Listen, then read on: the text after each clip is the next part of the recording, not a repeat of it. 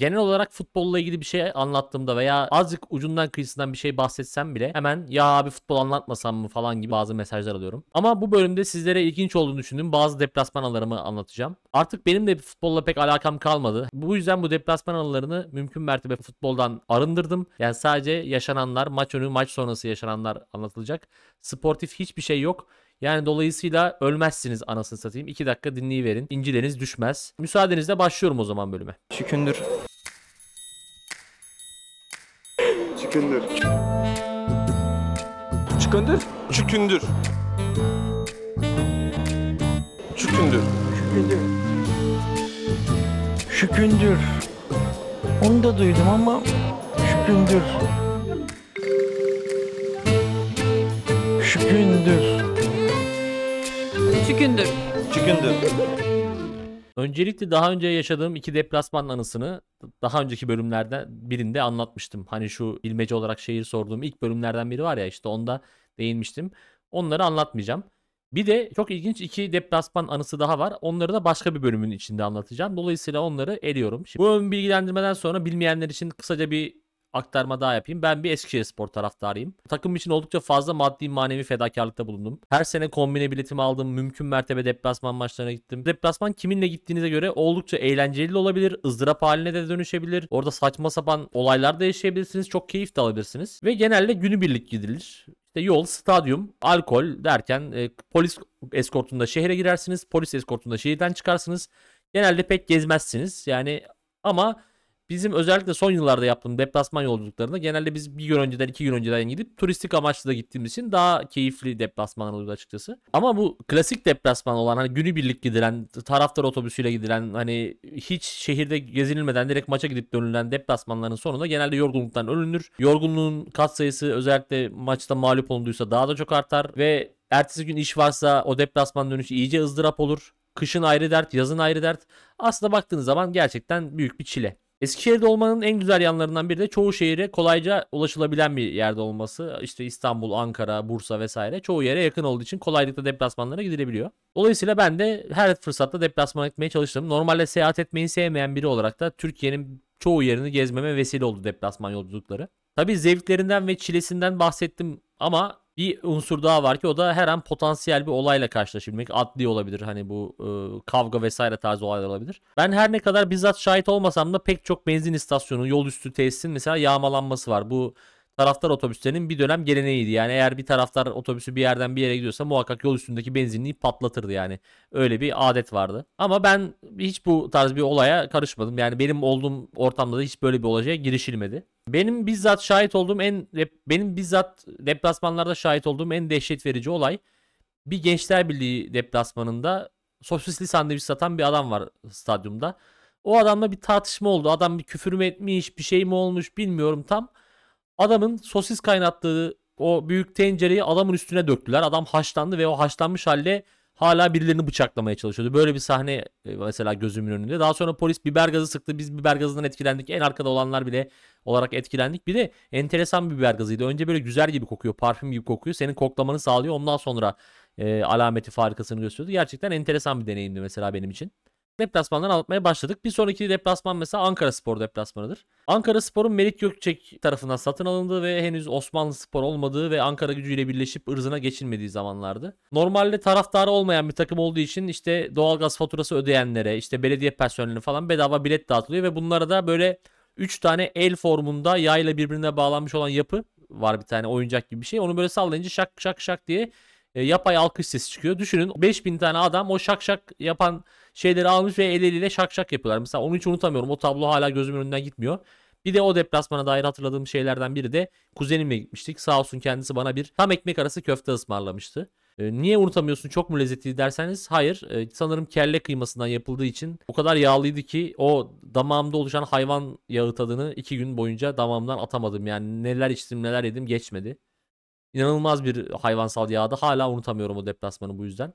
Bir de seyyar satıcılar böyle koşarak maçtan sonra bir yere gidiyorlardı. Bir tanesine sorduk nereye gidiyorsun diye. Abi Büyük Birlik Partisi kongresi var. Muhsin Başkan geliyor. Onun çıkışına yetişeceğiz diye şey yaptı. Yani seyyar satıcı için siz Eskişehir Sporsunuz, Büyük Birlik Partisiniz hiçbir önemi yok. Kalabalık olduğunuz sürece önemli ve değerlisiniz. Hani demiştim ya Eskişehir çok yakın her yere o yüzden güzel bir avantajı vardı deplasmana gitmek açısından diye. Bir avantajı da demir yollarının merkezi olduğu için hani Ankara ve İstanbul deplasmanına trenle gidebilme opsiyonu da vardı.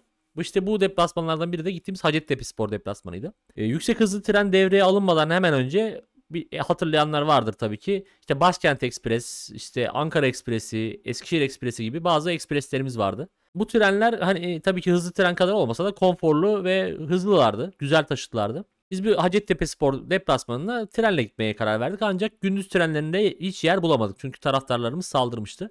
Biz de ne yapalım dedik? Gece trenine bilet aldık. Eskişehir'den 3.30'da kalkıp sabah 7'de Ankara'ya varması planlanan e, Anadolu Ekspresi'ne binecektik. Yani 3.5 saatlik bir yolculuk bizleri bekliyordu. Treni bekliyoruz ama şimdi bir de genciz tabii o zamanlar böyle hey be ulan biz çok çılgınız falan diye. Dedik ki biz treni sabahlayarak bekleyelim. Yani hiç eve gitmeyelim. Uyumayalım. Sabaha kadar bekleyelim. Trene binelim. Trende uyuruz öyle gideriz falan diye düşündük. Daha sonra işte nerede bekleyelim? Eskişehir Garı'nın karşısında bir tane sabahçı kahvesi var. Oraya oturduk. Orada işte treni bekliyoruz. Taraftarlarımız geldi birkaç tane. Onlar da onlar oturdular işte birlikte. Hani bildiğiniz tren bekliyoruz. Normal bir kahve. Sabaha kadar açık sadece. Hani Anastra ve Batak tutkunlarını sabaha kadar hizmet veren bir yer. Normalde bizim PlayStation kafelerimize falan sürekli gelen ve hani bizim simit satma stratejisiyle dalga geçtiğimiz bir amca vardı. Evet abiler simit isteyen, evet abiler simit isteyen diye gelen bir abi vardı. O abiyi gördük. Sabahın ikisinde yani gecenin ikisinde o abi gördük ve o adam, biliyoruz ki o adam hani sabah 2'de de gündüz 2'de de e, PlayStation kafelerde falan simit satıyor. Geldi yanımıza oturdu sanki ya bizi tanıdı anladığım kadarıyla çünkü biz ondan çok simit alırdık PlayStation oynarken. Geldi oturdu yanımıza. Ne yapıyorsunuz gençler? Maça mı gidiyorsunuz? Ha işte biz de çok gençken giderdik. Amigo Orhan vardı. Zaten Eskişehir sporluların klasik şeyidir. Eskiden Amigo Orhan vardı. Ben de çok deplasmana gittim diye. Öyle bir herkesin bir şey vardı. Muhtemelen şimdi beni bir, birisi görse ben de ona aynı şeyi söyleyeceğim gibi. Daha sonra biz bu hani adamla dalga geçiyorduk falan filan dedim ya. Dalga geçiyorduk derken kötü bir niyetli değil ve yüzüne karşı da değil. Yani kimsenin incindiği falan yoktu ama hani gıyabında dalga geçiyorduk. Adam meğerse günde 13-14 saat simit satarak tıp fakültesinde okuyan kızını okutuyormuş. Para gönderiyormuş. O yüzden bu simitçiliği yapıyormuş. O beni mesela çok şey yapmıştı böyle hani hakikaten bu- buruklaştırmış yüreğim. Çünkü adamın ne kadar yorulduğunu biliyorum yani. Neyse tren saatine az kalmıştı yani bir saat falan kalmıştı. Hadi biraz da garda bekleyelim. Eskişehir garının o büyülü atmosferini eski binadan bahsediyorum.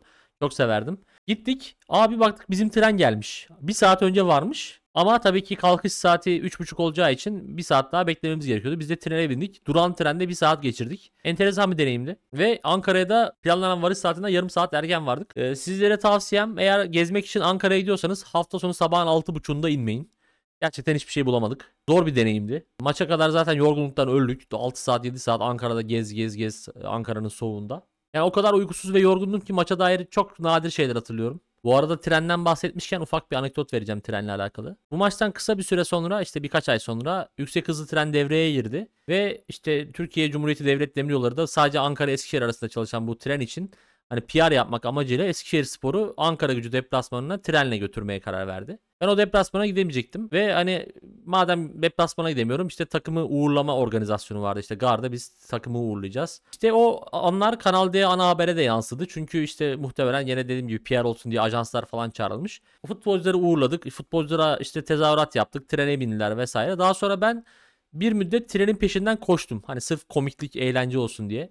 Meğersem o esnada trenin içindeki kamera beni çekiyormuş. Kanal D ana haberde bir 3 saniye trenin peşinden koşan gerizekalı çocuk olarak maalesef gözüktüm. Bu arada o görüntü elimde vardı eskiden. İnternette bulunabiliyordu ama şu an bulamadım. Eğer bulabilen varsa bana göndersinler. Onları eklerim Instagram'a falan. Asla çekincemiz yok ama bulamadım. Yine tren demişken benim en favori deplasmanlarım Fenerbahçe deplasmanlarıydı. Fenerbahçe'yi çok sevdiğim için mi? Hayır alakası yok. Tamamen ulaşım kolaylığı ve aldığım keyif açısından. Çünkü şöyle yapıyorduk. Bir grup taraftar olarak sözleşiyorduk ve her seferinde trenle Bostancı'ya kadar gidiyorduk. Bostancı tren garının hemen önünde bulunan Kale Pap, Kale Pilsen olarak geçen. Eskiden Kale Pilsen'di şu an Kale Pap galiba da. Oraya gidiyorduk. Yaklaşık bir 50-60 kişi kadar orada yiyorduk, içiyorduk güzelce. Hem esnafın yüzünü güldürüyorduk hem keyfimizi bulduktan sonra da tekrar Bostancı tren garına gidip oradan Banliyö trenine binmek suretiyle Söğütlü Çeşme'ye kadar gidip oradan da stada yürüyorduk. Ulaşım ko- çok kolay, aldığımız keyif mükemmel, hiç olay yok, taşkınlık yok. Taş yedin yok sopa yedin derdi yok gayet güzeldi. Sadece ilk deplasmanda herhalde biraz heyecanlanmıştık. Banyo trenindeki insanlara bayağı bir rahatsızlık verildiğini hatırlıyorum. Yani bir vagon dolusu Eskişehir sporlu falan diye bağırarak İstanbul Anadolu yakasının o elit insanlarına biraz rahatsızlık vermiştik. Hepsinden özür diliyorum kendi adıma. Banyo treninde beyaz Türklere verdiğimiz bu rahatsızlıktan bir sezon sonra bu sefer yine bir İstanbul deplasmanına İstanbul Büyükşehir Belediyespor deplasmanına gitmek için ne ilginçtir ki yine trenle İstanbul'a doğru hareket ettik. E, planımız bir gün önceden varıp işte orada İstanbul'da biraz gezmek, e, bir arkadaşımızın evinde kalmak, daha sonra da birlikte maça gitmekti. Bir arkadaşımla gidiyorduk bu arada. Tabii yine eski usul trenle, konvansiyonel dediğimiz trenle, Başkent Ekspresi ile falan gene İstanbul'a doğru yola çıktık. İlginç bir şekilde tren Bilecik'ten çıkarken bir anda durdu. Zart diye durdu. Ne olduğunu pek anlayamadık açıkçası. Daha sonra böyle e, hızlı hareket etmesinden, e, yaka kartından ve gömleğinden anladığım kadarıyla trenin önemli bir insan olan şahıs artık bir şey komiseri falandır onun adı muhtemelen. Diğerlere telefon edip bir haberler veriyordu. Tren Bilecik çıkışında derail oldu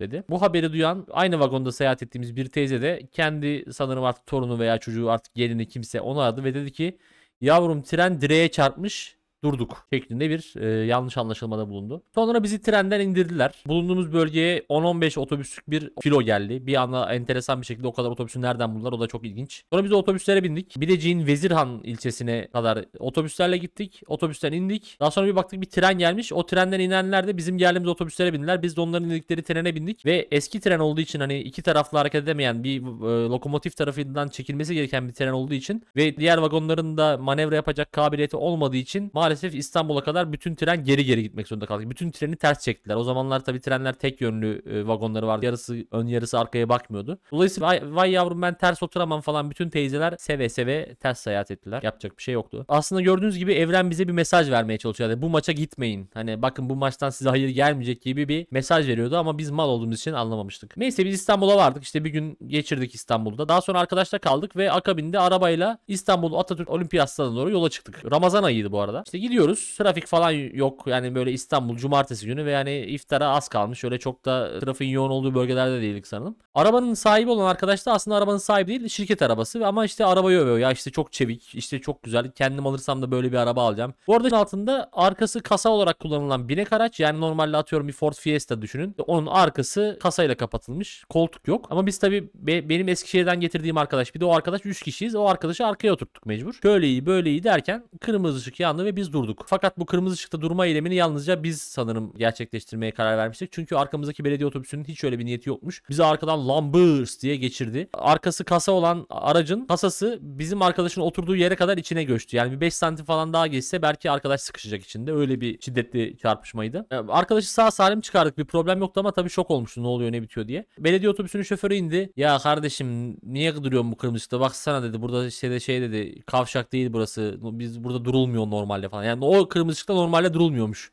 İstanbul'un e, yazısız bir trafik kuralıymış o. Bilemedik. Daha sonra arkadaş dedi bir şeyin var mı yok iyi falan filan tutanak tuttular. Arkadaş dedi zaten şirket arabası. Ha tamam o zaman dedi işte bu da benim plaka belediyeye söylersin şey yaparlar falan filan. Zaten mobese kaydı da vardı onu alırsın dedi.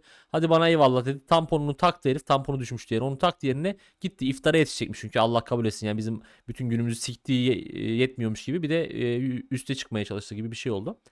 Neyse tamponunu yerine taktı dediğim gibi daha sonra gitti. Biz de bekliyoruz işte çekici çağırdık. Ee, arkadaş acaba iç kanama geçiriyor mudur falan diye şüphelendim ama hani na yapacak bir şey yok. Artık o saatten sonra maça da gidemezdik. Çünkü stat anasının nikahında neyle gideceksin nasıl döneceksin bir de maçlık bir durum da kalmamış yani. Daha sonra biz tıpış tıpış eve döndük taksiyle. Eve döndükten sonra ne oldu? SS dizisi başlıyormuş televizyonda. ATV'de ilk bölüm yayınlanıyordu. Onu izledik. O da bir Eskişehir spor aktivitesidir diye onu izledik. Çünkü o zamanlar bütün Anadolu takımlarının maçları naklen yayınlanmıyordu. Maçın da naklen yayını yoktu yani dolayısıyla. SS dizisini açtık izledik. Yani izlemez olaydım. Gerçekten bence Türkiye'de çekilmiş en kötü dizi falan olabilir. Çok kötü bir dizi SS dizisi. Bu arada maç da çok kötüymüş. 0-0 bitmiş. Yani aslında biz o tren derail olduğu zaman direkt aslında mesajı almalıymışız. Bundan birkaç hafta sonra bir Galatasaray deplasmanına gitmem gerekiyordu. Yani gitmem gerekiyordu diye bir şey yok tabii ki. Gidecektim. Ama gel gör ki param yoktu. Çeşitli MSN gruplarından işte giden var mı şöyle mi böyle mi konuşuldu. Ben gidecektim ama param yok yazdım. Sağ olsun bir abimiz bana bir kıyak geçti ve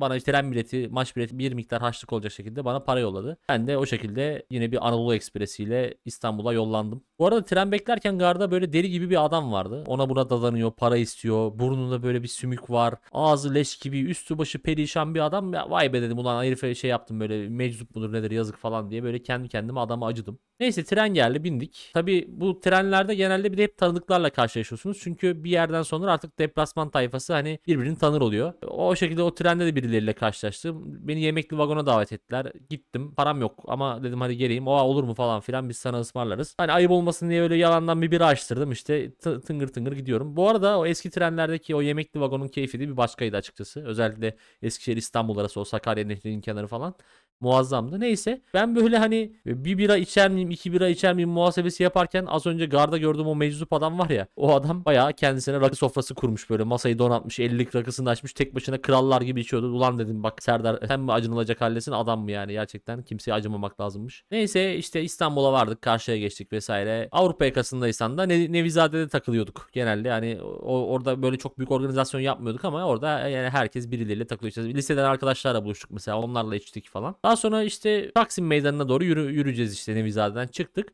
Abi baktık o gün LGBT yürüyüşü varmış. Ama o zamanlar böyle çok büyük olaylar olmuyordu. Yani gene insanlar toplanıyorlardı yürüyorlardı ama muhtemelen heteroseksüellerin falan çok haberi olmadığı için çok şey yapmıyorlardı öyle. Hani hem bir polis kordonu yoktu hem de normal hani bir politik bir duruş gibi de değildi yani tamamen LGBT üzerine işte eşcinsel hakları yürüyüşü gibi bir şey vardı. E biz bir grup Eskişehir sporlu karşıdan bir grup LGBT'li geliyor. Biz onları alkışladık. Onlar bizi alkışladı falan böyle. Çok dostane görüntüler sergiledik. Daha sonra Ali, Ali Samiyen stadına doğru yollandık. Ali Samiyen stadına girerken Galatasaraylı taraftarların işte önümüzde bira şişesi kırması falan gibi bazı e, tatsızlıklar yaşandı. Ama sıkıntı olmadı. Stada girdik. Stada girdikten sonra Eskişehir'den gelen bir grup taraftarın meşale yaktığını gördük. Benim de yanımda liseden bir arkadaşım vardı. O İstanbul'da yaşıyordu. Aa dedi lan ne acayip meşaleler yapmışlar. Flaşörlü meşale yeni çıkmış o zaman. Yanıyor sönüyor yanıyor sönüyor. Çocuk çok şaşırdı böyle bakıyordu aa ne kadar ilginç falan filan derken böyle şaşkın şaşkın bakarken bir anda bizim arkadaşı geldi polisler aldı götürdü meşale yaktı diye. Halbuki alakası yok. İşte izah etmeye çalışıyoruz dinlemiyorlar falan filan. Elemanı aldılar götürdüler. Bayağı gece nezarethanede kalmıştı. Bir sene mahkemelerde süründü bilmem ne. Ben işte şahit mektubu yazdım vesaire. Ve sonra şeyi düşündüm. Acaba be- beni alsa mesela. Ben de çünkü o param bitti. Hani çok az bir param var cebimde. Tren biletim var. Beni içi alsalar mesela nezarethanede treni kaçıracağım ve ikinci bir tren bileti alacak param yok. Bildiğin sıçtım. İstanbul'da kötü yola düşerdim herhalde. Çünkü bir de şöyle bir durum var. Ben bu deplasmanlara yüksek çoğunlukla annemden babamdan gizli gidiyordum. Yani ailemin haberi yoktu. Ee, kızarlar diye söylemiyordum açıkçası. Dolayısıyla hani beni değil de arkadaşı seçen polise sonsuz şükranlarımı sunuyorum. Beni belki de kötü yola düşmekten kurtardı dolaylı olarak. Bir sonraki deplasmanımız komşumuz Bursa'yleydi. Bursa'nın şampiyon olduğu sene bu. Biz Bursa Spor'la zaman zaman kardeş, zaman zaman düşman böyle hala tam çözemediğim enteresan toksik bir ilişkimiz vardı bu Bursa Spor'la. Sonuç olarak o sene kavgalı olduğumuz bir seneydi. Dolayısıyla polis kordonu eşliğinde stada gidebilecektik ve bizi şehrin girişinde bir terk edilmiş bir fabrikanın önünde bizi beklettiler. Yaklaşık bir 45 dakika 50 dakika falan bekledik. E zaten gidene kadar bayağı bir alkol içilmiş. Hani şişler gelmiş. Tabii ki idrar problemini beraberinde getiriyor. Daha sonra gittik polis amirinden izin aldık. Amirim biz işeyeceğiz. Müsaade var mı? Adam dedi tamam gidin şuraya doğru işeyin. Ve biz oraya doğru işedik. Hayatımda gördüğüm en ilginç doğa olaylarından biri diye karşılaştım. Bir sidik buharı, bir sidik bulutu. Çünkü hava da böyle çok e, iyi değil. Hava da çok sıcak değil. Hayatımda böyle bir şey görmedim. Yani Formula 1 pistlerini bilirsiniz ya böyle hani asfalttan böyle yukarıya doğru bir buğu çıkar. İşte biz onun idrarlı versiyonunu yapmıştık Eskişehir Spor taraftarı olarak. Bu da benim bir gururumdur. Belki de dünya literatüründe bir doğa olayı kazandırdık. Maça bir şekilde vardık falan filan. Gerçekten atmosfer çok güzeldi falan filan. Neyse şimdi prensesler rahatsız olur. Futbola dair bir şey anlatmayayım. Bir sonraki deplasman anımız bu sefer İç Anadolu'nun incisi Kayseri'yeydi. Maç saat 1'de olduğu için, öğlen 1'de olduğu için gecenin köründe yola çıkmamız gerekiyordu. Böyle kendi arkadaş grubumuzdan, MSN'deki arkadaş grubumuzdan falan bir otobüs ayarladık. Hani normal taraftar grubunun otobüsü değil de herkesin birbirini tanıdığı bir otobüs ayarlamıştık yani. Sonra gece 3'te yola çıkmamız gerekiyordu. Eskişehir'i bilenler için söyleyeyim. Espark'tan yola çıkacaktık. Espark da Eskişehir'in hani göbeğinde yer alan bir alışveriş merkezi. Ben tabii gene annemden babamdan gizli gideceğim deplasmana. O artık Allah'ın emri ve yine para çok limitli var. Hani yok değil ama çok kısıtlı bir param var. Ve gece 3'te yola çıkacağız. E ben şehir merkezine kadar yürümek istemiyorum. Çünkü hava eksi 2 derece. Ne yapayım? Bir arkadaşın evinde bekleyeyim. Otobüs kalkış saatine kadar arka- arkadaşın evinde vakit geçireyim. Ondan sonra otobüse yürürüm. Oradan da otobüse biner ve maça giderim diye düşündüm. Arkadaşın evine gittim. Zaten sürekli gittiğim bir arkadaş için sıkıntı yok. Ama çocuğun uykusu geldi. Daha sonra o- onun da başka bir arkadaşı varmış. İstanbul'dan çocukluk arkadaşı varmış. Biz onunla bayağı 2'ye kadar falan oturduk. Çocuk beni tanımamasına rağmen gayet sıcak davrandı. Çok iyi bir muhabbetimiz gerçekleşti ve hala da görüşüyoruz mesela. O maç sayesinde öyle bir arkadaş edindim mesela çok güzel bir şekilde. Neyse işte otobüs saati yaklaştı. Hadi dedim ben gideyim. Çocuk sağ olsun beni kapıya kadar geçirdi. Ve yürümeye başladım. Eksi 2 derece. Üzerinde böyle polar gibi bir şey var. Altında e, kış günlerinin favori kı- kıyafetlerinden biri o zamanlar benim için. İçi yünlü bir eşofmanım vardı. Onu giymiştim. Böyle sinerjiden hallice bir kılıkla yürüyorum. Daha sonra şehir merkezine vardım. Espark'a giderken de Eskişehir'in gece kulüplerinin falan olduğu yerlerden geçiyorsunuz. İşte 222 işte efendime söyleyeyim Shakespeare falan. Oralardan geçerken ben böyle hani tinerci gibi yani pespaya berduş bir şekilde yürürken yanımdan şıkır şıkır kadınlar ve daha az şıkır şıkır olan erkekler el ele kol kola muhtemelen eğlenceli geçen bir geceyi daha da eğlenceli bir şekilde sonlandırmak üzere evlerine dönüyorlardı. O an düşündüm. Dedim ki ulan Serdar ne yapıyorsun? Yani elemanlar bak ne kadar güzel mis gibi kızlarla takılıyorlar. Harika kadınlarla takılıyorlar. Sen ne yapıyorsun? Gecenin ikisinde Kayseri'ye gitmekte olan ve içinde 45 tane erkeğin olduğu bir otobüse bineceksin. Ben ne yapıyorum dedim. Ama bu beni yolumdan döndürmedi. Otobüse bindik ve yollanmaya başladık. Ankara'ya kadar her şey güzeldi. Yani yine alkoller, işte tezahüratlar, ona buna sataşmalar, bilmem neler. Fakat şunu keşfettik ki Ankara ile Kayseri arasında özellikle Kırıkkale'den sonra bir kara delik var. Ben Kayseri 120 kilometre tabelasını 3 kere gördüğümü bahse girebilirim yani. Öyle eminim bundan. Ama niyeyse bir türlü gelemiyoruz arkadaş. Git git git git Kırşehir. Git git git git Kırşehir. Ulan Kırşehir'den çıktık biz. Yok. Yani böyle enteresan bir orada bir e, durumlar var. Bence metafizik sevdalıları o yola bir arabayla seyahat etsinler derim. Gerçekten enteresan bir deneyim olacak sizler için. Maça vardık. Maçta çok alışık olmadığımız bir şekilde galip geldik. Yani bu benim toplamda ikinci, üçüncü deplasman galibiyetimde o kadar deplasmandan sonra. Tabi deplasmanda galip gelince keyifler yerine geliyor ve daha çok içiliyor. Halbuki kaybedilince de kederden içiliyor gibi bir şey oluyor ama iç, yine alkol alınmaya devam etti. Ben o kadar içemedim ama gerçekten çok sağlam içen bir arkadaş grubum vardı ve artık hani bokunu çıkardılar. Zaten otobüse kusmak falan da çok rutiniydi bu deplasmanların falan. Ve hani dönüşte her taraf sarhoş, her taraf adam. Otobüsün içi 30 derece benim altımda eksi 2 dereceye uygun eşofman altı var. Altım yanmış. Bir de sanırım artık yediğim bir şeyler falan mı dokundu bilmiyorum. Bir de üstünüze afiyet ishal oldum mu? E yani biraz tabii kaçırdım şimdi. Yalan da değil. Hani tutmaya çalıştım ama hani maalesef biraz affedersiniz altıma sıçtım yani.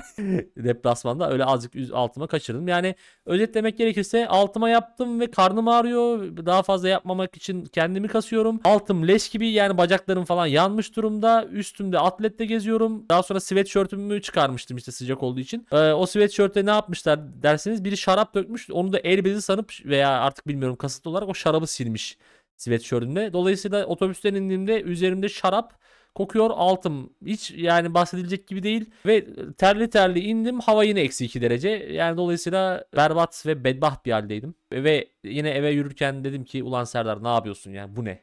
Diye düşündüm. Allah'tan bu sefer yanımdan şıkır şıkır kadınlar geçmedi. Bir sonraki anımız Denizli Spor deplasmanından. Ben totalde deplasman kariyerim boyunca 3 kez de- e, Denizli'ye gittim deplasmana. Ancak bu anlatacağım gerçekten en manasızlarından biriydi. Çünkü Denizli Spor zaten düşmek gibi bir durumdaydı. Yani düşecekti. İddiası yoktu. Bizim de öyle çok büyük bir iddiamız yoktu. Ama gittim yani hani sırf deplasman olsun, muhabbet olsun diye gittim. Hatta kendi arkadaş grubumla da bir otobüs ayarlayamadım. Başka bir arkadaşın bildiği bir arkadaş grubuyla başka bir tanıdığımın bil- bildiği bir grubun otobüsüyle gittim deplasmana.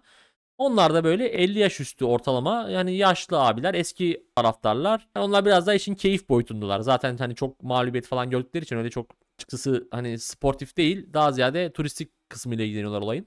Gittik yenildik vesaire onları geçtim. Dönüşte abi bunlar Afyon'da durdurdular bizi. Afyon'a girdik e, otobüsle. Ve kilo kilo lokum aldılar. Hepsi biri bir kilo alıyor, biri 5 kilo alıyor. Her taraf lokum doldu. Ve bundan yine bahsetmek istemiyorum ama cebimde yine benim para yok. Hayatımda ilk kez canım lokum çekti arkadaşlar. Bir otobüs dolusu lokum. Herkese lokum var ve kimse açıp da ikram etmiyor arkadaş. Herkes eve götürüyor. Arkadaş o Afyon'dan Eskişehir'e dönene kadar benim canım bir lokum çekti, bir lokum çekti. Bir yandan kendimi kızıyorum, ulan diyorum. Yani lokum canını çekeceği bir şey değil ya. Bu kadar kalitesiz olamazsın. Bu ne biçim bir hayat falan diyorum ama yok arkadaş. Yani Eskişehir'e dönene kadar o can- lo- canım nasıl lokum çekti. Hamile bir kadın gibi gerçekten lokum aşerdim diyebilirim. Eskişehir'e indim.